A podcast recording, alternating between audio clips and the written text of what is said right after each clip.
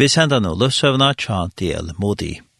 Svenning Alofti er omsett, her Jakobsen leser. Hetta er 12. og 13. pastor. Heimskjente amerikanske predikumæveren Dwight L. Moody var føtter nærende spøynen Boston og i staten Massachusetts og i 1836 og antaist i 1895.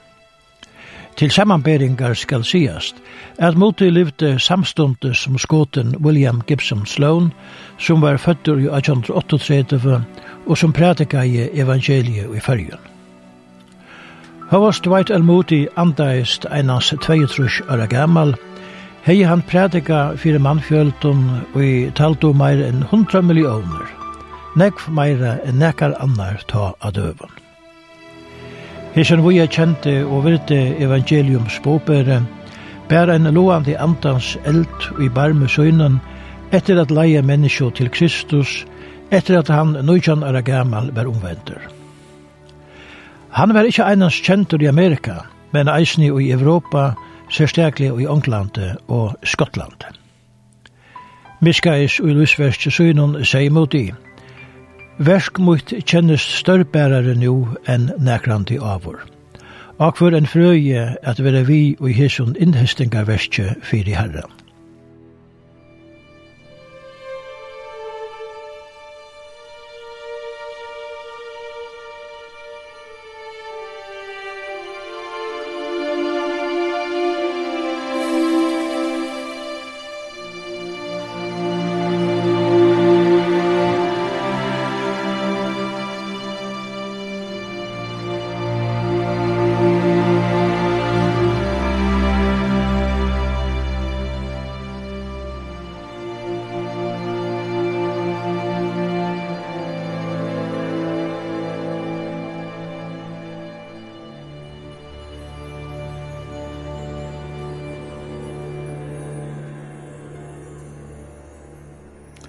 Og i pastonen framan undan var greit fra at del Moti for til Onklands. Her hitti han prætikomennenar Spurgeon og George Muller. Og en støvn i Onkland var Moti byen at tala. Folk var i offeren av hans bærshøgne og greie og tal. Del Moti var sjolver en brøtter mever, etter at det var hårst en mann sida hesi år. Heimeren eier enn av at suttja hva god kan gjøre i jøknon tannmann som fullt og helt er halgavur hånden. Tølte pastor Drøntja predikaren Moti hei ofta lysju i bløvunnen om drøntja talaren, men at han hitti han tøktest så tilvildarlet. Det var ikkje fyrir han hei hitt han at Moti fikk vita at dette var drøntjatalaren. Det var i Dublin at drøntjatal-prædikaren kom at prata vi Moti. Navn hans var Henry Morehouse. Han sier beina veien vi Moti at han hei ho at koma til Chicago at tala. Moti hukte at det som luttla og klantraslige mannen som han helt vera en ungan dronk og ikkje kunde vera meir enn 16 år gammal, og helt tog at han tog ikkje til. Henry Morehouse spurte hverjen skipi han skulle sykla vid til Amerika, tog han hei atlander om affære her bana vei. Men moti hei ongan ho at hekkan visser. Tog sier han ongan tog hverjen skipi han skulle færa vi. Stått etter at Moti var atkommen til Chicago, Jeg fikk han brev fra Henry Morehouse som sier at han var kommet til Amerika og hei ho at komme til Chicago at tala om AHO var fyrtøy. Måtte, måtte jeg skriva i Hisekalli og Årtlandsere. Om tiden kom av vester her, jeg kom til å komme vidtja med. Måtte jeg helt ikke at han får at høyre atter fra honom. Men stort etter fikk han atter et brev fra honom, og at han enn var i Amerika og heia hova koma til Chicago a tala om ahova fyrirtøy. Måtte sværa kalja atter som fyrre fyrr. Om tiden koma vestur her, kunne tiden koma vidtjame. Stort etter kom atterbra fra Henry Morehouse som sier at han atlei at særa vera i Chicago nasta høsta fyrir at tala. Hva skulle måtte nu gjøre? Han var fra i samførder om at Henry Moorhouse ikke dutte at tale, og selv får han ikke at være heima, tog han skulle tale onker ærestene bei høste og frutjade. Han sier tog vi nærkere av åtta måneder under samkomne. Høstein kommer en onglendingur her som feien vil tale, men jeg vet ikke om han dora tale. Taimond domte løyte at lete Henry Morhaus slippe tale. Han var jo fremmantur, og det er ikke kjente. Bøløyde var fire, at han kunne gjøre mer skje enn gangen. Men gjeve tid hånden korsen i en møvleika tale. Jeg kunne gjøre at han taler høstkvøld. Jeg tar tid av Horstan, kom tid gjøre av om han skal tale atter frutja kvøld, eller om tid skulle heva til vanlige bønamøte talar han en goa talo bæg i kvöldene, kunne tid lysa han sånne kvöld steg for meg. Jeg kom hjem til leia deg, sier Moti. Da jeg Moti kom hjem etter leia morgenen, var han spenter, og spurte beina veien kunnsina, hvordan har vi kjentjist vi hans hesten onklende ikke noen? Hva er det folk om mann? Da jeg må domte han, ser vel. Hørte han tala? Ja. Yeah. Hva tomt er han? Sera vel. Han har tala tvertaler om kjenta verset i Johannesar evangelium 3.16. Jeg halde i eisene at herfra dam han, hovast han taler sin til ørvus i en to. Eh, hvordan taler han så? Han sier vi tar ringast hos sindarernar at god elskat her. Uh, hatt er følsk læra. Jeg halte korsene at du først at være samter vi han, eh, tar du først lust etter honom, tog han grundar alt dette av bøyblina.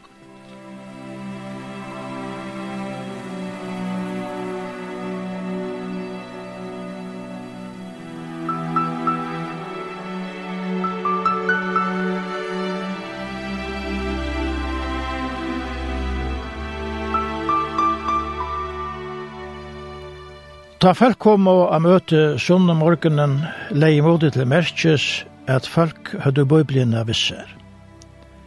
Etter møte måtte han avsanna at han angandi avvore hei hørst sløyka tale. Talaren sier følgjennun så kvørst hver alt stå som han les i bøyblien. Stikkvande fullt av følgjennun var møten om kvöldet. Henry Morhas ber folk blia av Johannesar evangelium 3.16, og så les han tria kvöldgjør hetta kjentasta verset, og i Bibelene, Tui så elska i god heimen, at han gav sånn sånn hin anbarna, fyrir at kvørt han, og i trur og han, skal ikkje fortapast, men heva evet løyv. Så taler han en sjølsomme tale om etta ena verset, talan var bytt opp og i troi. Han byrja i vi fyrstu mås og helt a ut i oppenberingina fyrir jeg prekva, er god hever elska heimen alla tøyer. God sendte attarfedrarnar, profetanar og ærar heilavar menn, og til endan søyn egna son. Etter at han var dripen, sendte han heilavandan. andan Moti skriva i om hessa tal. Jeg har jeg har jo ångkant vita at god elska i okkon så nekv. Gjersta møtt togel brana og tarene runno av kjennan møynan. Hesen sannleikje om Guds karlaika vær som en god tøyende ur einon fremmand og lande som bergtoge med. Samme hente allar samkomne. Anke og i hisson heime grøypur menneskjo meira enn kærleikje gods. Tan mevor som ongan gåan eier og i hisson heime, hverkje mauer, kono, bøten, systrar etla viner, er etla stadder og i hisson heime, og er tui i menneskeslige vandabølsjonon som hoksar om at tøyna sitt egna løyve. Ikke var lett at få folk i Chicago at føre ut et vanligt manakvöld. Men endan manadegin kom de. Og hadde biblia skjønner visser. Henry Moorhouse byrja i Vietsia. Kære viner, vi skulle lesa i Johannessar evangelium 3.16. Heina fra enn tala i han ut fra bibliene ur fyrste Mosebok ut i oppenberingina, og eimisk kan hatt hvordan god elskar okken. Ta tyktest som kunde han lesa skriftor i alla stedene i bibliene som prekva av hetta, og med talene skriva imot i. Henda talan var ikkje minne gov enn hinn fyrra i hørt. Han ens og tala i og i hakre tånahattun, så at det var en sånn frøye at lort etter hon. Han ans og nelti en sannleika fyri og annan etter inn og gjersta mot, så leis at jeg omgandi atur gløymte tær. Jeg platti at tala om er godstå at han fyri syndaran vi er noen tvoi av svøre til reier til at høkka nyer. Men nu tala jeg om at god stendur at han fyrir vi ved karlagasøynum, og til er karlagans god som syndaren renner undan.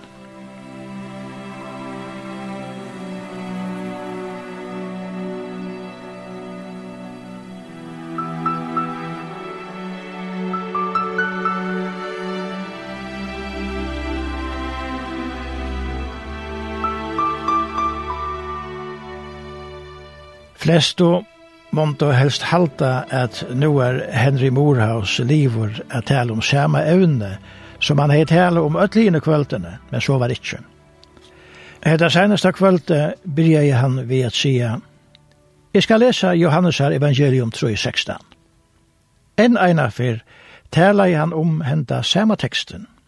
Måte sier, Nu nam han en hakre tånahattur. God elskar i heimen så, at han gav son søgn, hin einbarna, for jeg kvørt han, som tror han, skal heva, eller få, ta han døy, nei, just nu, og i hese løte, heva evet løyf. Ta byrja av folk velja tryggva tui, og ønsken av okkon hever nekrand jo ivast ut i søgjane. Seks kvöld hei han tala om etta samme skriftår. Kjenda kvöld i henne morhaus for å batela paddelen, start og öll spent og han sier, Kære viner, jeg har i atlan dagen leita etter en ørensskriftstegi som jeg kunne tala om her i kvöld. Men jeg kan ikke finna neka, og jeg er så godt som hetta samme, som jeg har lise om öll hine kvöldene. Tog er ferdig atter kvöld at lesa Johannessar evangelium 3.16. Kjenta kvöld tala i henner morhaus om årene Så elskar jeg god heimen. Han enda i senast hotellerna ved at sia Viner møyner, Eina heile viko hev vi rønt a sia tikkun, hvordan jeg god elskar tikkun. Men jeg megnet deg ikkje korstene og me kunde lant stian tja attarfeiren Jakob, og gynnsju upp til himmels og bi Gabriel, som stendur framme fri Asjonon, hins almottua gods, om at sia meir kusen eg god elskar heimen, så kom de han korsni ikkje sagt til ørvise, enn å henta sama hott. Tøy så elskar eg god heimen, at han gav sån svin hinn armbarna fyrir kvart han, som trur han, skal ikkje fortepast, men her var ervet løyv. Det var tjøknan Henry Moorhaus at del mot de til fullnar lærte at nøyta antans svør. Unkje mævren, og ikkje tog jeg tala, og så mot de vil de heva via gjerra, vær to senter av gode, fyrir at mot de kunne gjerast ein evangeliums strursmæver, og i hart og fullt var helgaver Jesusen. Ikke best am uti høttu hisse møtene større averskan. Hinn gavar ikkje talaren, sangaren, yrkjaren og tånlistamauren Paul Philip Bliss var eisen i møtene. Han var hodtidgen av biblioteksten til Harry Morehouse. Så elska jeg god heimen at han gav sånn søn henne anborna, for jeg kvørt han og jeg tror han skal ikkje fortapast, men heva evet løyf. Etter at jeg var hørst Henry Moorhouse tale om Guds kærleika, var det at Paul Philip Bliss skriva i sannsyn «Kvør og ein som høyrer». Kvør og ein som høyrer sindsje, sindsje te. Send hin gleda båskap ut til kvann ein sted. Rundt til gjørst opp trøyt og gjør deg fri og gleda. Kvør som vil kan koma kan. Kvør og ein som vil, kvør og ein som vil, sinken gleda båskap, kvør og ein som vil. God henne vilsta sonen elskar, kallar han. Kvør som vil, kan koma, kan. Kvør og ein som høyrer skunti han og sær. Nu er horen åpen, inn vi skunti fær. Bøner oppher stuja, anten nu er nær. Kvør som vil, kan koma, kan. Hver er ein som høyrer, Herren sier til. Hver er ein som høyrer, trygg tog nu og i det. Hvor er ein som høyrer, Kattler noen sier jeg. Hver som vil, kan koma, kan.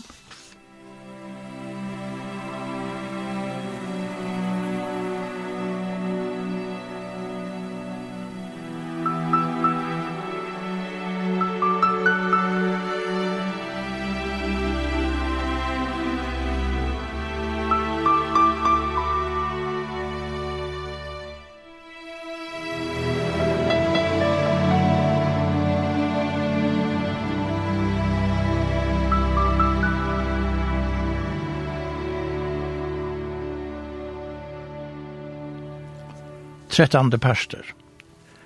Stor eldurin i Chicago. Og i 1871 fekk moti en sérstaka oppenbering av gode og karlæka hans herra. av sikning så ståra er at han ville ikke bukt henne om fyrir allan heimen. Ta tåsig han lyti om hese hending, og omgant vi hørte han nekar han sia at han nu var filter av antanen. Hetta var vi tja imot i Kalifornia saman vi øron prætekommun. Da jeg kom atur til Chicago var ovanlig heitt. Av hese årsøk var det mange rymt ur bøynon, og torrførst var det sauna folk til møte. Han var ferdig å hukse om at han skulle skipa fire kyrkjekonserten, eller hava fyrelestrar om søveligar hendingar, tog evangeliet ensamelt tøktist ikkje langur dreia folk saman og i nekva hitan. Etter mevvisa bøn tok han avkjer om heldur at tala om einstakar menn i bøybliene. Han var under at granska og Adam, men helt si mest, mesta kunne kunna tala om han og i halvan tøyma. Så får han at hugsa om Enoch, så er det Noah, og enda er vi Abraham, som han valgte å tale om. Dette var rødt avkjør, tog nekk kom og lusta. Etter tveimann vikon var høle fullt av følts. Ta i han par undra tale om Jesus Kristus, valgte han at heva seks fyrlestrar om loiv hans herre. Femte firelestren var sunnedagen 8. oktober 1871. Henda dagen tala i han til største mannfjöldena som nekran tog heiver sauna saman i Chicago. Even i hansara henda dagen var Kvært skal jeg gjøre ved Jesus som vil kalla vår Kristus, Mattias 22, 22. Jeg ser at jeg har tala ved samføring og andans meg om Jesus Kristus som frelsare og endurløsere, det sier han, Tætje hetta skriftord i heimvittikon, og hugsi om tæ hesa vikina. Sånne dagen færre jeg tale om Golgata og krossen. Ta må til tekane avgjør om hva tid skulle gjøre ved Jesus ur Nazaret. Vi at malbera seg såleis gjørdi er et størst mistak, sier Mutti, ta i han 22 år settene tala i til Stora Mannfjöld og i Chicago. Så igjen heter minnelige sunnekveldi har vi at atter givet følse eina viko at hukse om frelsesborningen. De fortapte kunne akara meg i domenon. I minnest enn hvordan sank i sank et kveldet, Frelsaren kallar at te, han te kallar i det. Fær ikkje myrskussens ve, vel nu hin himmelska sted. Jeg sa ångkantøy somo falskjene etter. Jeg gråte ta i huksi om hette i det. Jeg har hissa løtene hukt iver mannfjøltene og i sauna er her og i det. Men jeg held ikkje at nekar av teimon som var hittkvalte er her og i det. Jeg eier nekva viner og jeg kjenter her i Chicago. Men til mannamikvuna som er tala i til hittkvalte har vi ikkje se atter. Til lakn og tunga nottena lærte i neka som jeg ångant og i atter har vi glemt at prætika Jesus Kristus såleis fyrir menneskjon, at hei mottakane avgjør bana vegin og velja han.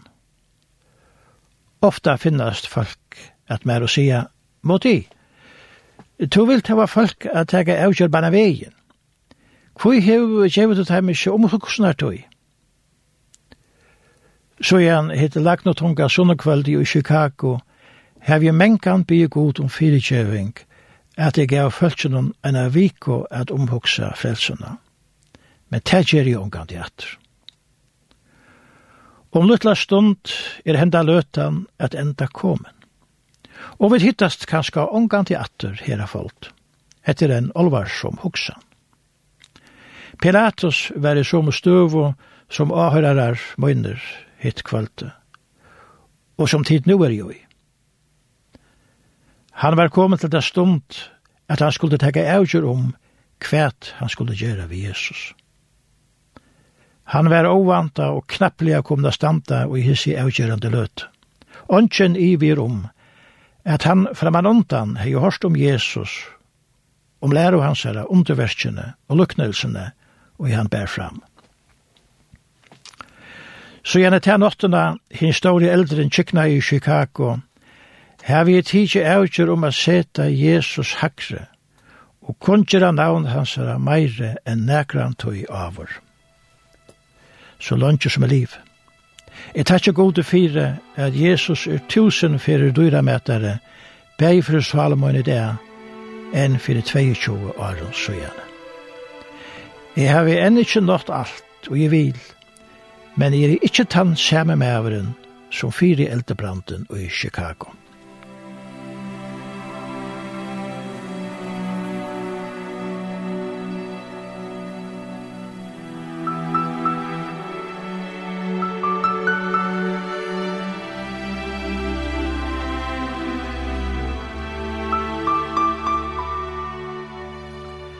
Ta i måte for hjemme til møte hin 8. oktober 1871, sa han glemene av eldebranden om lita himmelkvalve i Chicago. Ta gjør det sånn greit, at dette var sere alvarsamt. Av midnatt tøktes eldrene linka, og folk får til sånkar. Men ein tømmer settene var fra på at eldren var fester og hine med en ånda, og øktest vi miklare fer. Medan tar mange bygningarnar i Forrest i elden i Chicago hesa nottena, var det bægi samkommet bygningaren her mot i prætikaie og bygningaren tja kristelige Ungmannafellene.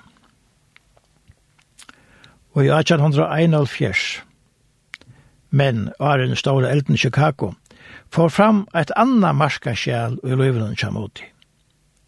Det gjørs han greier om hvordan er det eknaver han var at utinna evangeliska verksvitt. Han hei nå en stor langsel etter større antalligere kraft. Hese langsel var uipøster etter at tver kvinner var komnar a prata vi han. Ter var at sida framalega ta i han tala i. Han kunde suttja og anlett tarra at her bo. Etter eit av møten om sødde der vi han, Vi tar sitt og bie fyrir der. Hvor bie til ikke fyrir hinnom, de mot. Tog tiden tørva andans kraft, sværa ut her. Hei ikkje kraft. Jeg er jo til største mannfjøltene i Chicago, og mange kom til omvending. Jeg var nøkter. Men hesar boar systranar hildo av at bia fyrir mer, Og tar alvar som år om at jeg måtte være salvavor av andanen til prætokoversk mot nødde meg til alvarshemma sjølvransaka. Tar bau og god om å fytla meg vid andan.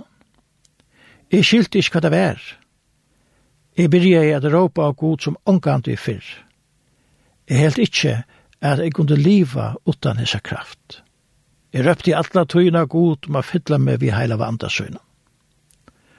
Så en dag, men jeg var inne i Jorsk, opplevde jeg nækka som år ikke kunne se fra så underfullt vært det. Jeg kan einan sige at goden oppenbera i seg fire mer, og jeg kjente henne fytling av ståra karlæga hans herre. Så får jeg atter å prætika.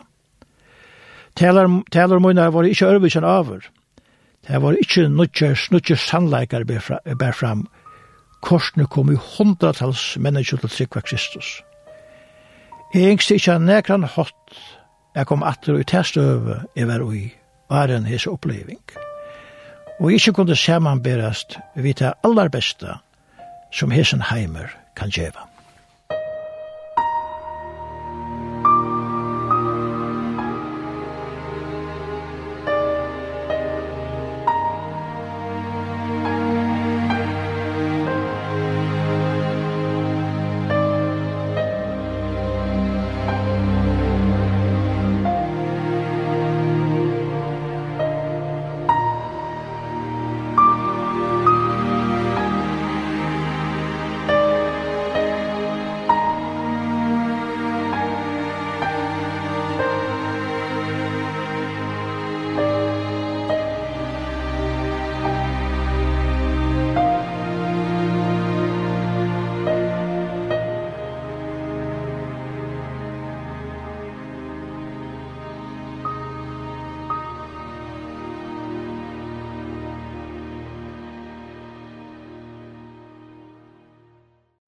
Vi har sendt løvsøvna tja del Moody, Svenninga Lofte hever omsett, her er Jakobsen les. Hetta var 12. og 13. pastor. Hesen pastor og ære pastor kunne høyrast av heimasynet linden.få.